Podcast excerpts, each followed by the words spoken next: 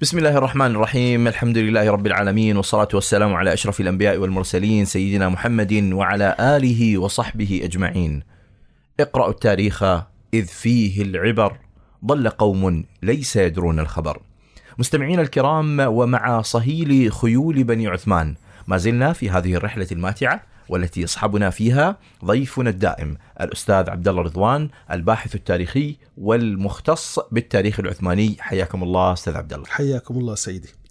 أستاذ عبد الله في الحلقة الماضية تحدثنا عن صفات عثمان بن أرطغرل تحدثنا عن شيء من مسيرته عن شيء من عدله عن شيء من أخلاقه. إلى أين سيأخذنا الصهيل هذه المرة؟ سيأخذنا إلى ربما أراضي المعركة. لربما إلى الحروب، لربما كيف كان يتعامل عثمان في هذه الحروب. نعم. اذا ما رأيك أن نستمع إلى هذا الصهيل؟ بسم الله الرحمن الرحيم الحمد لله رب العالمين وأفضل الصلاة وأتم التسليم على حبيبنا وقرة عيوننا وقائدنا محمد عليه الصلاة والسلام عليه رب اشرح لي صدري ويسر لي أمري واحلل عقدة من لساني يفقه قولي ويشاء الله أن يخوض عثمان معركة على أبواب كلاج حصار مع الروم وأن ينتصر عليهم انتصارا مدويا. هذا الانتصار كان مفزعا بالنسبة للروم. اجتمعت تكافرة وهي طبعا تكافرة آه، آه، مفردها تكفور. هو القائد الروماني الذي يحكم المدينة. من أطلق عليهم هذا اللقب؟ الأتراك. تمام؟ نعم. تمام.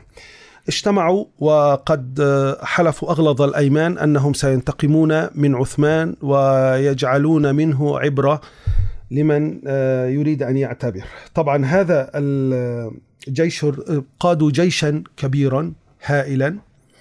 جمعوا كل حقدهم جمعوا كل مكرهم وجاءوا به آه، طبعا آه، عثمان معه كان عدد قليل. يعني هم معه تقريبا سبعين ألف نحن قلنا لكن هم أعدادهم أكبر كانت.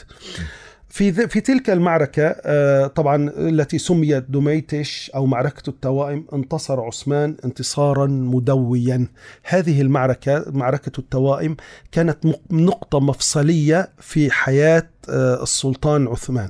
نحن نقول هنا السلطان هو ليس الآن بسلطان لكن آه، كل المؤرخين إكراما له سموه سلطان ما زال زعيما زعيم قبيلة كبيرة يعني. نعم. طيب لكن في وسط هذه الفرحة العامرة التي شعر بها عثمان وهو ينتصر كان حزينا وكان الحزن يهده. هده. لماذا؟ استشهد أخوه سارو. اسمه سارو. استشهد شقيقه. كان عثمان يحبه حبا شديدا وكان مجاهدا كان كان يده اليمنى في المعارك. استشهد رحمه الله. آه، أخي عبد الله أنا كلما تذكرت هذه الحادثة تذكرت من؟ تذكرت تذكرت سيدنا الفاروق عمر عندما كان يتذكر زيد. نعم. كان يقول رحم الله زيد سبقني إلى الإسلام وسبقني إلى الشهادة. ربما أحد يقول طيب أستاذ كيف عرف أن عمر أنه سيكون شهيدا؟ نذكركم يوم صعد إلى جبل أحد مع رسول الله عليه الصلاة والسلام هو وسيدنا الصديق وعثمان. فلما صعد الجبل اهتز حبا ذاك أن رسول الله يقف عليه. فقال النبي صلى الله عليه وسلم ضربه برجله وقال أثبت ثبير فإنما عليك نبي وصديق وشهيدان الرسول توفي عليه الصلاة والسلام أبو عليه بكر توفي وفاة طبيعية. إذا من هما الشهيدان هما عمر عمر وعثمان. وعثمان. كان يعرفان فكان يقول سبقني إلى الشهادة. وكان عمر يقول والله ما هبت ريح الصبا إلا وشممت فيها رائحة زيد في آه، إحدى المعارك سيدنا عمر معه درع. قال يا زيد خذ الدرع. البس الدرع يا زيد. قال لا. إنما أتسابق بهذا إلى الشهادة. أنت البس الدرع. قال أنا لا أريد. أنا أريد ما تريد أيضا. أنا أريد الشهادة في سبيل الله. قال فرم الدرع سيدنا عمر. يعني أناس كانوا يطيرون إلى الشهادة يتمنون الشهادة ويحسدون من سقي من شراب الشهادة. هؤلاء اصحاب محمد عليه السلام. أخي مهما تكلمنا يعني صدق صدق أن أنهم كانوا عمالقة بكل معنى الكلمة، صدق أنهم كانوا كالجبال كانوا كل واحد جبل من الإيمان. أخي عبد الله كيف يعني إنسان يتسابق إلى الشهادة؟ يعني هل هو يرى الجنة عيانا؟ هل هو يرى رسول الله؟ هل هو يرى الملائكة؟ هل يعني كيف شفت أرواحهم؟ كم رقت أرواحهم؟ كم اشتاقت أرواحهم إلى الجنة؟ أو دعني أقول كم اشتاقت الجنة إليهم. لعل لعلها أخي إن ذات يوم النبي صلى الله عليه وسلم لما كان جالس بين أصحابه فقال اشتاقت الجنة إلى عمار اشتاقت الجنة إلى خب اشتاقت الجنة إلى بلال. الله أكبر تصور أخي عبد الله الجنة تشتاق لهم. هل هي تبعث برسائل إليهم؟ أن هلموا إلي أنا أيضا اشتقت تعالوا بسرعة. يعني هذا الغزل الجميل ما بين الصحابة والجنة هذا غزل فريد في التاريخ لا يوجد مثله أبدا أبدا. من صاغه؟ النبي صلى الله عليه وآله وسلم. هذه المعركة أخي عبد الله كانت مفصلية ولها صدى حتى على حتى على الأصدقاء قبل الأعداء. علاء الدين كيكباد الثالث آه، شعر أن عثمان قد أصبح قويا بما يكفي ليعلن استقلاله لكي يضمن أن يبقى تحت جناحه أعطى بنفسه لعثمان بوادر السلطنة وهي الراية والعصا. الآن يعني فقط ابقى تحت جناحي. الآن عثمان عنده القوة العددية عنده جيش قوي جدا جدا يمكن في أي لحظة يعلن الاستقلال.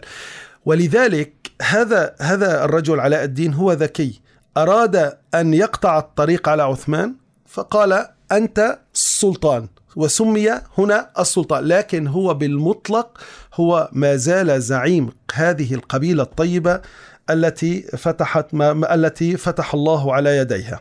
طيب آه هنا أريد أن أشير إلى نقطة مهمة. في عام 1308 مات السلطان السلجوقي مسعود آه الثاني ومعه ماتت دولة السلاجقة. الآن ماتت دولة السلاجقة. انتهت. آه طبعا عثمان طبعا تبع الدولة الإليخينية. وهم السلاجقة أيضا في أواخرهم كانوا يتبعون هذه الدولة. فماتت هذه الدولة من مباشرة عثمان ذكي لا يريد أن يترك ظهره بدون داعم أمامه وحش اسمه الدولة البيزنطية. طيب آه هذه طبعا آه الآن لم تعلن الدولة العثمانية رسميا كما قلنا. سنرى في الحلقة القادمة طبعا مع أورخان هو من سيعلن استقلال هذه الدولة. إذا أورخان هو الذي سيعلن استقلال الدولة العثمانية بعد سقوط الدولة الإليخانية عام 1353 730 هجريا. احفظوا هذا الاسم جيدا. احفظوه جيدا يا أحباب. أورخان سيكون هناك سيكون تتويج على يديه إذا في عام 1326 تمكن أورخان من فتح بورصة. تمام؟ نعم. الواقع على بحر مرمرة وفي هذه السنة بالذات مرض عثمان. مرض مرضا شديدا مرض بمرض النقرس. وعلى فكرة هذا مرض النقرس كان داء في آل عثمان كلهم كان يصيب الملوك كلهم تمام؟ ومات في هذا الداء. آه، هو الآن يقوله بشكل علمي حمض اليوريك يوريك أسيد أو نعم. هكذا يعني لا أعرف أنا لست بطبيب يعني. نحن هو يسمى داء الملوك. أو هو يسمى داء الملوك. نعم. طبعا آه بعد أن توفي نقل جثمانه إلى بورصة آه، طبعا المدينة يوم دفن فيها عثمان هذه المدينة أصبح لها رمزية خاصة عند الأتراك وفي العالم الإسلامي نعم. طيب آه الآن قلنا قبر أرطغرل أين؟ في سوغوت وقبر عثمان في بورصة. بورصة طبعا مات عثمان بعدما ترك وصية لابنه أورخان يوصيه بالمضي في الجهاد والفتح والإخلاص للإسلام. مات عثمان سنة 1326 بعدما فتح البلدان فلم ينزل ورفاقه عن صهوات خيوله. هو رجل نلخصه بكلمتين فارس في النهار وراهب في الليل. رحم الله السلطان عثمان رحم الله مؤسس الدولة العثمانية. هذا الرجل الذي إذا ما أردنا توصيفه بكلمتين نقول عنه فارس في النهار وراهب في الليل رجل مضى في طريق رسول الله عليه الصلاة والسلام. فبلغ غايته وذهب إلى الله ورسوله. نسأل الله عز وجل أن يرحمه رحمة واسعة.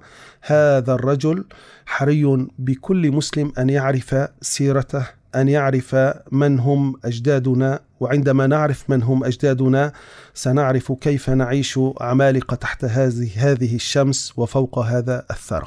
رحم الله عثمان ذلك السلطان الذي وضع الكثير من الأسس لما سيأتي بعده من بداية ل خلينا نقول لتأسيس جديد لصهيل خيول بني عثمان. بعد عثمان هذه ال... يعني إذا استطعنا أن نسميها الآن ما زالت قبيلة أو ما زالت تجمع قبائل نعم. ما الذي حدث بعد ذلك؟ ما الذي تكون بعد كل تلك الانتصارات التي حققها عثمان؟ يا سيدي وما زالت قافلة الجهاد تغذ سيرها في بيداء بني عثمان لتصنع جنة على الأرض لتصنع جنة من العدل والمحبة والسلام. هذه المرة سيأخذ الراية رجل اسمه أورخان ونفسي فداء أورخان. أورخان وما ادراكم من أورخان. رجل لم يستقر شهرا واحدا في مكان واحد لأن حياته كانت قائمة على الجهاد ونشر العلم والعدل. رجل ورث عن والده المؤسس عثمان ستة عشر ألف كيلومتر وعندما مات كان ما تحت يده أكثر من خمس وتسعين ألف كيلومتر مربع. كم ضعف أخي عبد الله؟ ستة أضعاف. تقريبا. ستة أضعاف. هذا الرجل قال عنه ابن بطوطة الرحال الشهير كان أعظم ملوك التركمان في عهده وكان له ما يقرب من كم تظن عزيزي المستمع؟ مئة قلعة. مئة قلعة. نعم. هذا الرجل كان يستطيع التدخل ولأول مرة في شؤون بيزنطة في القصر الملكي. استطاع أن يتدخل. سنرى كيف. ولعل السامع سيتفاجأ. لعلك عزيزي السامع ستتفاجأ من هذا الكلام. نعم. كان يستطيع خلع إمبراطور ووضع آخر مكانه. كيف؟ بعد قليل سنرى هذه الأحداث. هذا الرجل هذا الرجل آه، كان كان أول من وضع بصمة الإسلام في أوروبا من من طرف البلقان. نحن تعرف أجدادنا في الأندلس وصلوا بعضهم عبد الرحمن الداخ آه، عبد الرحمن الغافقي وصل إلى ما يقرب باريس. صحيح. ويقال 15 كيلومتر. ويقال أن بعض سرايا الاستطلاع دخلت حتى باريس. نعم. إذا هم كانوا في في وما يعني ولو نجحت بلاط الشهداء معركة بلاط الشهداء لكان للإسلام ما كان في أوروبا لكن ليقضي الله أمرا كان نعم. مفعولا. هذا الرجل آه، كان أول من آه، يعني أسس شيئا في آه، القسم الأوروبي من ناحية البلقان عن طريق ابنه سليمان. وهذا سليمان لوحده قصة. سندخل إليه أيضا إن شاء الله. رجل على الصعيد في على الصعيد الحربي هو ناجح جدا في يجاهد في سبيل الله لكن في شق آخر ربما يعني المؤرخين يغفلونه هو رجل كان يعشق الحياة المدنية بكل معنى الكلمة يعشق العلم ولذلك افتتح أول جامعة في الدولة العثمانية. إذا لنضعها نقطة علام أول جميل. جامعة فتحت في الدولة العثمانية في مدينة إزنيك وعين العالم داود قيصري أكبر العلماء مديرا لتلك المدرسة. جميل. هذا الرجل كان يأتي آه، بالعلماء بعد الفتح. يجمعهم. لماذا؟ ليسكنهم تلك الأراضي التي فتحها. ليسلم الناس على أيديهم. ليسلم سكان تلك المناطق على أيديهم وليدخل آه، الناس في دين الله أفواجا. أخي عبد الله كم تظن عدد السكان صار في زمن آه، أورخان؟ ثلاثة ملايين. ما شاء الله. ثلاثة ملايين. جميل. هذه القبيلة التي بدأت قلنا بأربعمائة خيمة وعدد سكان أربعة آلاف. أربعة آلاف وأربعمائة مقاتل. الآن سنرى مع- معه بعد قليل مئة وخمسة عشر ألف مقاتل. وهو لماذا؟ لأنه هو من أسس الجيش الانكشاري ولنا مع الجيش الانكشاري وقفة. أنا أقول هذا حتى نشوق المستمع. نعم جميل. طيب إذا كان آه، أورخان يحب العلماء. كما أحبهم والده عثمان وكما أحب جده أرطغرل. هذا آه، الرجل كان أورخان يحب العلماء كما أحبه أحبهم والده عثمان وجده أرطغرل. ثم إن علينا ألا ننسى أن أورخان هو حفيد أكبر عالم في زمانه. أليس هو ابن مال خاتون ابنة الشيخ أديبالي؟ أو أديب علي كما عرف عنه. طيب ماذا يعني أن يكون أورخان حفيدا للشيخ أديبالي هذا يعني أنه مزيج أن دمه مزيج من الدم التركي والعربي لأن أخواله عرب. كيف تقول هذا أستاذ؟ أقول هذا لأن أديب علي أو الشيخ أدبالي هو عربي وهو من بني تميم. إذا إذا هذا الرجل جمع في دمه الدم التركي والدم العربي, العربي. ممتاز جدا. طيب هناك مقولة تقول أن المؤسس الدولة العثمانية هو عثمان. صحيح؟ نعم. صحيح. لماذا آه الناس تقول أن مؤسس الدولة العثمانية هو عثمان؟ لأنه في في في زمن عثمان سقطت قلنا الدولة السلجوقية. فمن ورثها؟ ورثها عثمان. عثمان قال أنا وريث الدولة السلجوقية. طيب الآن البوصلة ضاعت من القبائل. لا توجد قيادة. أولا كانوا يحتمون يح يحت يعني يحتمون آه يذهبون إلى السلاجقة. نحن نعيش في كنفكم ونعيش في كنف الآن لا يوجد قائد. لا بد من قائد. بحثوا عن عن قائد فيه صفات آه، محبة الله ورسوله صفات الجهاد صفات الزهد. تحدثنا عن صفاته. فوجود فوجدوها أين؟ في عثمان. نعم. فذهبوا إليه. هذا حقيقة هو المؤسس. لكن من يشاركه في التأسيس؟ أورخان. لماذا الآن سنرى يعني حقيقة أورخان آه، نستطيع أن نقول أنه هو المؤسس الثاني للدولة م. العثمانية. طيب الآن طبعا آه عثمان هنا نتذكر أن عثمان كم حكم؟ 27 سنة. أورخان دام حكمه 34 سنة طبعا شهد توسعا في الأراضي المفتوحة ونهضة ثقافية بافتتاحه الجامعة. ولئن كان مركز حكم أرطغرل في سوغوت ومركز حكم عثمان توزع ما بين سوغوت وإسكي شاهير فإن حكم أورخان قد أصبح في بورصة. تلك المدينة الملقبة بالمدينة الخضراء. إذا الآن انتقلت العاصمة. سوغوت اسكي شهير ذهبنا إلى اسكي شهير اسكي شهير إلى بورصة, بورصة. آه بعد قليل بعد قليل إلى أين سنمضي؟ بعد قليل سننتقل. إلى أدرنا وبعد أدرنا إلى العاصمة الكبرى إسطنبول إذا هناك تدرج في العواصم حتى وصلوا إلى إسطنبول طيب طبعا بورصة كان لها موقع استراتيجي وإشراف على بحر مرمرة طبعا أعطت لأورخان زخما على كل المستويات أستاذي هنا أريد أن أنوه على شيء مهم جدا. بعضهم يتساءل لماذا تهتمون بالدولة العثمانية؟ لماذا يعني أنتم تدرسون وتفعلون لقاءات؟ وإذاعة تخصص برنامج لهذا؟ أنا أقول. طيب تعال نحسب آه، من يوم هجرة المصطفى نفسي فداء المصطفى صلى الله عليه وسلم من يوم هجرته إلى الآن كم؟ 1444 نعم. صحيح؟ جميل جدا. طيب إذا الدولة العثمانية كم حكمت؟ 644 سنة يعني نعم. هذا هي حكمت 44% من هذه المساحة الزمنية للإسلام صحيح من نعم. وقت ظهور الإسلام طيب دولة حكمت 44% من هذا التاريخ العريق. ألا تستحق أن نذهب صحيح. إليها لندرس هذه الظاهرة التي آه، يعني كانت موجودة والتي أثرت في المشهد السياسي والدولي؟ نعم. طيب. آه، مع العلم الدولة السلجوقية كم عاشت؟ الدولة السلجوقية عاشت 200 سنة. الدولة المملوكية 260 سنة. الدولة الأموية 88 ويقال 90 نعم. الدولة العباسية 500 سنة.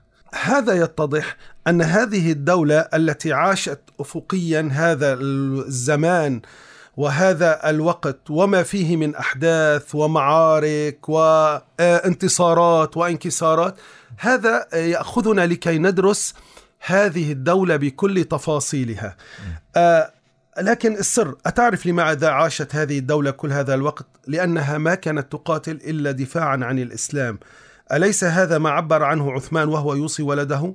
قال: نحن لا نقاتل لشهوة السلطة وإنما نقاتل للإسلام وعليك بمشاورة العلماء. إذا دولة تتخذ الإسلام عنوان لها وتتخذ أصحاب المشورة العلماء لابد أن تكون دولة ناجحة بكل ما, ما تعنيه الكلمة من معنى نعم. طبعا في عهد في عهد أورخان يقول نيشانجي محمد باشا الآن نذهب إلى دولة الرفاهية ماذا يقول؟ لقد زال الفقر والعجز والضرورة عن جميع الناس وكان الأثرياء من المؤمنين يجدون صعوبة في العثور على فقراء يعطونهم الصدقات والزكاة الواجبة عليهم ألا يذكرك هذا بدولة آه، عمر بن عبد العزيز نعم. أيام الأمويين ألا يذكرك هذا بدولة آه، نور الدين الزنكي الذي كان في وقته التعليم مجاني والطب مجاني وال... وكل شيء مجاني. إذا هي دولة الرفاهية لكن القائمة على الجهاد نعم. القائمة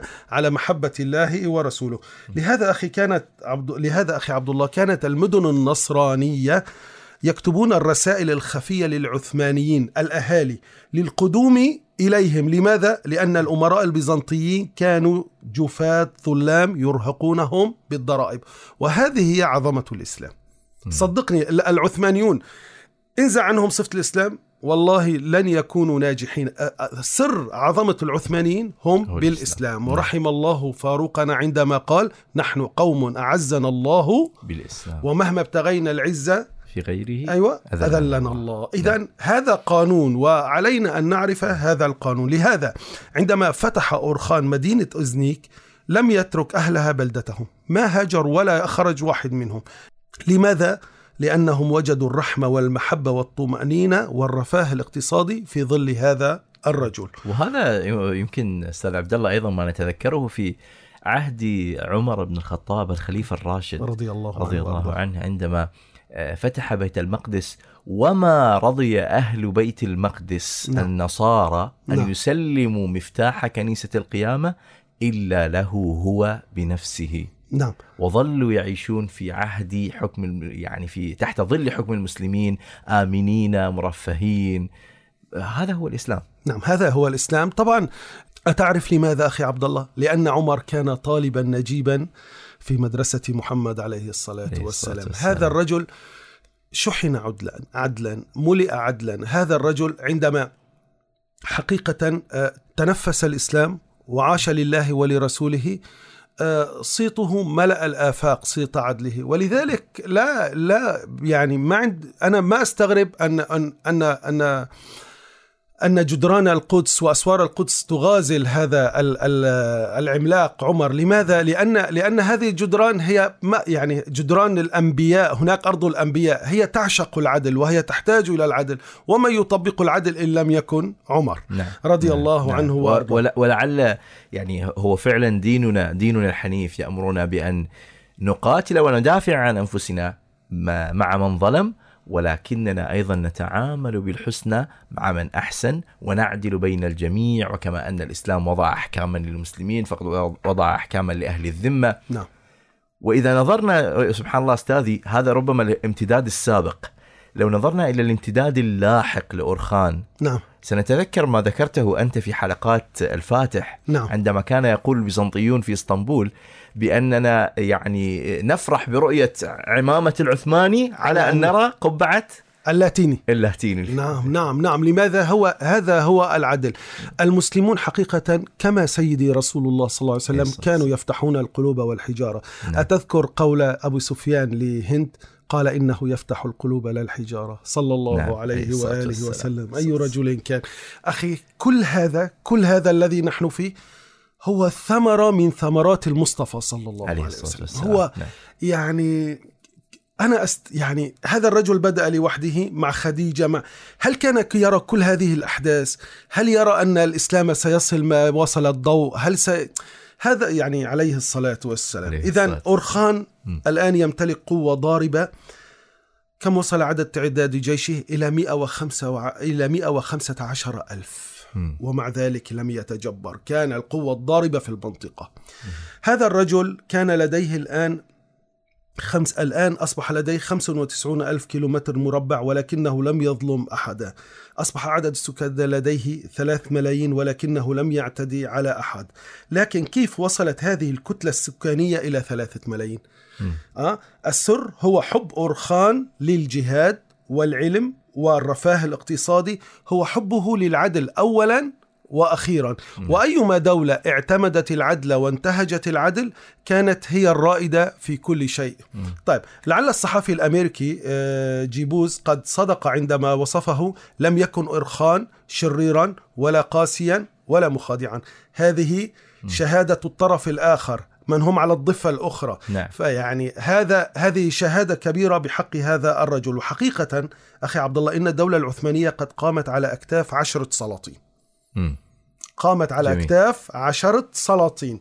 نعم. كل سلطان منهم كان إضافة حقيقية للسلطان الذي قبله.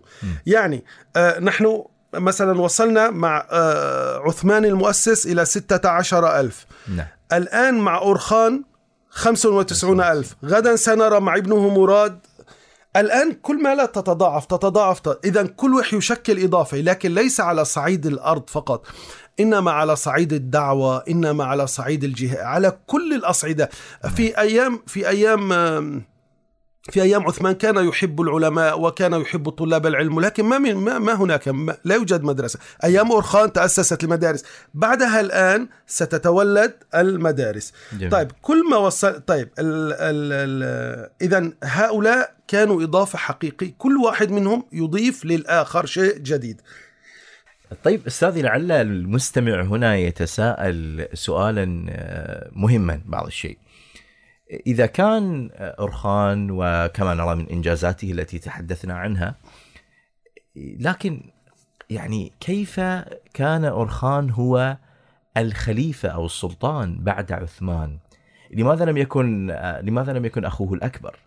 علاء الدين نعم, نعم آه، أخي عبد الله الحقيقة أن المصادر التاريخية لم تذكر كثيرا عن آه، نشأة وطفولة أورخان كلما يعني ال- ال- المعلومات التاريخية شحيحة في في هذا الوقت بالذات في تاريخ حياة هذا الرجل طفولته ومراهقته. كل ما وصلنا أن لديه خمسة أشقاء هم علاء الدين شوبان ملك حميد وفاطمة. عندما بلغ الثامنة عشر من عمره تزوج من نيلوفر. ابنة صاحب يارا حصار فولدت له سليمان ومراد. وما أدراك ما سليمان وما أدراك ما مراد. عثمان رأى الحنكة السياسية رأى آه رأى هذه هذه الصفة القيادية في ولده أورخان. ومع ذلك لم يكن علاء الدين أقل آه، منه حكمة ولكن ليقضي الله أمرا كان مفعولا. لأن الريح ستأتي الآن مع من؟ مع أورخان وخاصة في فتح بورصة مم. الآن عثمان في ساعاته الأخيرة من الحياة تأتيه البشرى لكأنما الله لكأنما أراد الله أن يختم حياة هذا الرجل بذلك الإنجاز المبارك لكأنما يقول له هذه هذا في الدنيا وما ينتظرك في الآخرة أيها المجاهد كث- الك- الكثير الكثير. نعم. سنغلق حياتك بخبر جميل ومفصلي. جاء إليه أورخان ليقول, ليقول له لقد تمكنت من فتح بورصة. يا سيدي يا أبي. طبعا بورصة كانت تسمى في القديم بروسا. فتحت يوم 6 أبريل 1326 بعد حصار دام من قبل أورخان في زمن أبيه عثمان والحقيقة أن فتح بورصة قد تأخر قليلا لماذا؟ لأن العثمانيين لم يكونوا يمتلكوا بعد أدوات الحصار التي تمكنهم من التعامل مع الأسوار ما كان عندهم ثقافة التعامل مع الأسوار والحرب مع الأسوار هم يحبون الحرب الأرض المفتوحة وجها نعم. لوجه أو كذا أما هذه من وراء جدر ووراء أسوار عالية وما كانوا يعرفون هذا الشيء. ولعل الآن آه، هذه الإرهاصات أو آه، الآن أول مرة يتعاملوا مع هذه الأسوار هذا آه، أعطاهم تدريب ليتعاملوا مع أسوار تلك الرائعة جدا القسطنطينية نعم. إذا الله عز وجل يهيئ يمهد لهم هنا التدريب لأن أمامكم هناك بعد سنوات طوال أمامكم مشروع ضخم جدا أمامكم بشرى كبيرة هي من بشريات المصطفى صلى الله عليه وسلم عليه يجب أن تتعامل ويجب أن تكونوا مؤ- مؤهلين. تمام؟ طبعا وهذه المدينة فتحت آه، كان هناك إعداد. طبعا إعداد للرجال لكن حتى إعداد على الأرض. يعني آه، عثمان رحمه الله صحيح أن أورخان الآن هو قائد الجيش لكن عثمان هو من مهد لهذا الشيء لأنه بنى قلعتين الأولى سمندرا والثانية أبيدوس. يعني هاتان القلعتان ساهمتا كثيرا في تعجيل فتح هذه المدينة. نعم. المدينة الخضراء أو كما يقال لها بورصة. طبعا آه، هناك أقوال تاريخية. الآن نحن نقول آه، عثمان آه، عثمان بشر بفتح المدينة وهو في سكرات الموت وهو يحتضر صحيح؟ نعم. لكن هناك قول آخر أيضا يقول أن هذه المدينة فتحت قبل سنتين. على كل حال إذا كانت وقت الاحتضار أو سنتين أنا لا أراه هذا الشيء مهم جدا لكن ما هو المهم؟ أن هذه المدينة فتحت وأصبحت بيد المسلمين. وحقيقة كما قلنا في الحلقة الماضية أن أن عثمان أوصى أن يدفن في بورصة ودفن في بورصة والآن أورخان أيضا سيكون في بورصة إلى جوار أبيه في بورصة يعني نعم. تمام وبالتالي آه، هي أرض بالنسبة لهم طيبة مباركة إذا أورخان يقود الجيش ليفتتح بورصة بعد أن مهد له نعم. آه، والده عثمان آه، هذا الفتح العظيم ببناء تلك أو هاتيك القلعتين القلعتين اللتين شكلتا الدعم الحربيه والدعم المعنوي والدعم المادي الذي احتاجوه في هذا ال- الحصار أو في حصارهم لبورصة. نعم الآن بورصة أو كما سميتها أستاذي أو كما يسمونها المدينة الخضراء. نعم. ما هي الأهمية التي تشكلها فتح أو التي يشكلها فتح هذه المدينة؟ حقيقة أستاذي آه، هناك زلزال صغير وهناك زلزال كبير. الزلزال الكبير سيحدث بعد أعوام طوال في فتح إسطنبول. نعم. لكن الآن هناك زلزال لكن هو يعني على مقياس ريختر التاريخي هو ألف أما مع ال- مع ال- فتح القسطنطينية مليون. فتح بورصة هو زلزال حقيقي حدث في العالم وخاصة في العالم المسيحي لأن بورصة بالنسبة لهم يعني هي نقطة علام مهمة. مم. ليس يعني على كل النواحي.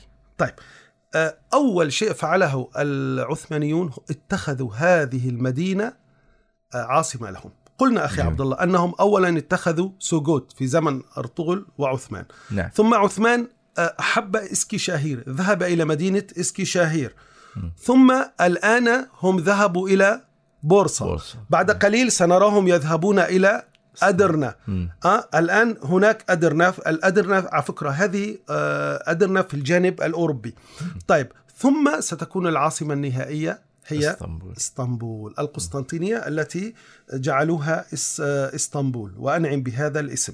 طيب الآن إذا تم اتخاذ بورصة عاصمة لهذه الدولة الناشئة أقصد العثمانية لمدة كم تتوقع أخي عبد الله؟ بقي هنا مركز الحكم في بورصة؟ أربعون عاما. أربعون جميل. عاما بقيت هذا بورصة مركز لهذا. جميل. طيب آه أيضا آه كان فتح إسطنبول له تأثير سياسي وحربي وإداري فكما قلنا من قبل كان المفتاح الثاني لفتح إسطنبول وبالتالي نذكر المشاهدين بالمفتاح الأول وهي معركة ملاذ كرت التي فتحت أمام العثمانيين العمق في الأناضول. طيب عندما سيطر العثمانيون على بورصة آه، ضمنوا لأنفسهم مكانا على بحر مرمرة الاستراتيجي الذي يصل بمضي آه، يعني يصل مضيقي البوسفور والدردنيل. وهنا في بورصة تحديدا تم الصك عملة فضية لأول مرة وإنشاء الأسواق الكبيرة وبالتالي تضاعف عدد السكان إلى عشرات الآلاف. طيب ولعل من يقرأ في كتب ابن بطوطة سيرى إعجاب هذا الرحاله بهذه المدينة وكيف أصبح حالها. اذا أستاذ عبد الله الآن العثمانيون على بحر مرمرة يرون القسطنطين القسطنطينية وتراهم كذلك وينقل الحكم من إسكشاهير إلى بورصة أو عاصمة الدولة العثمانية. تصبح بورصة كما واعجب ووصفها ابن بطوطة وأعتقد بأن جميع من يذهب إلى هناك سيشارك ابن بطوطة في رأيه ذلك.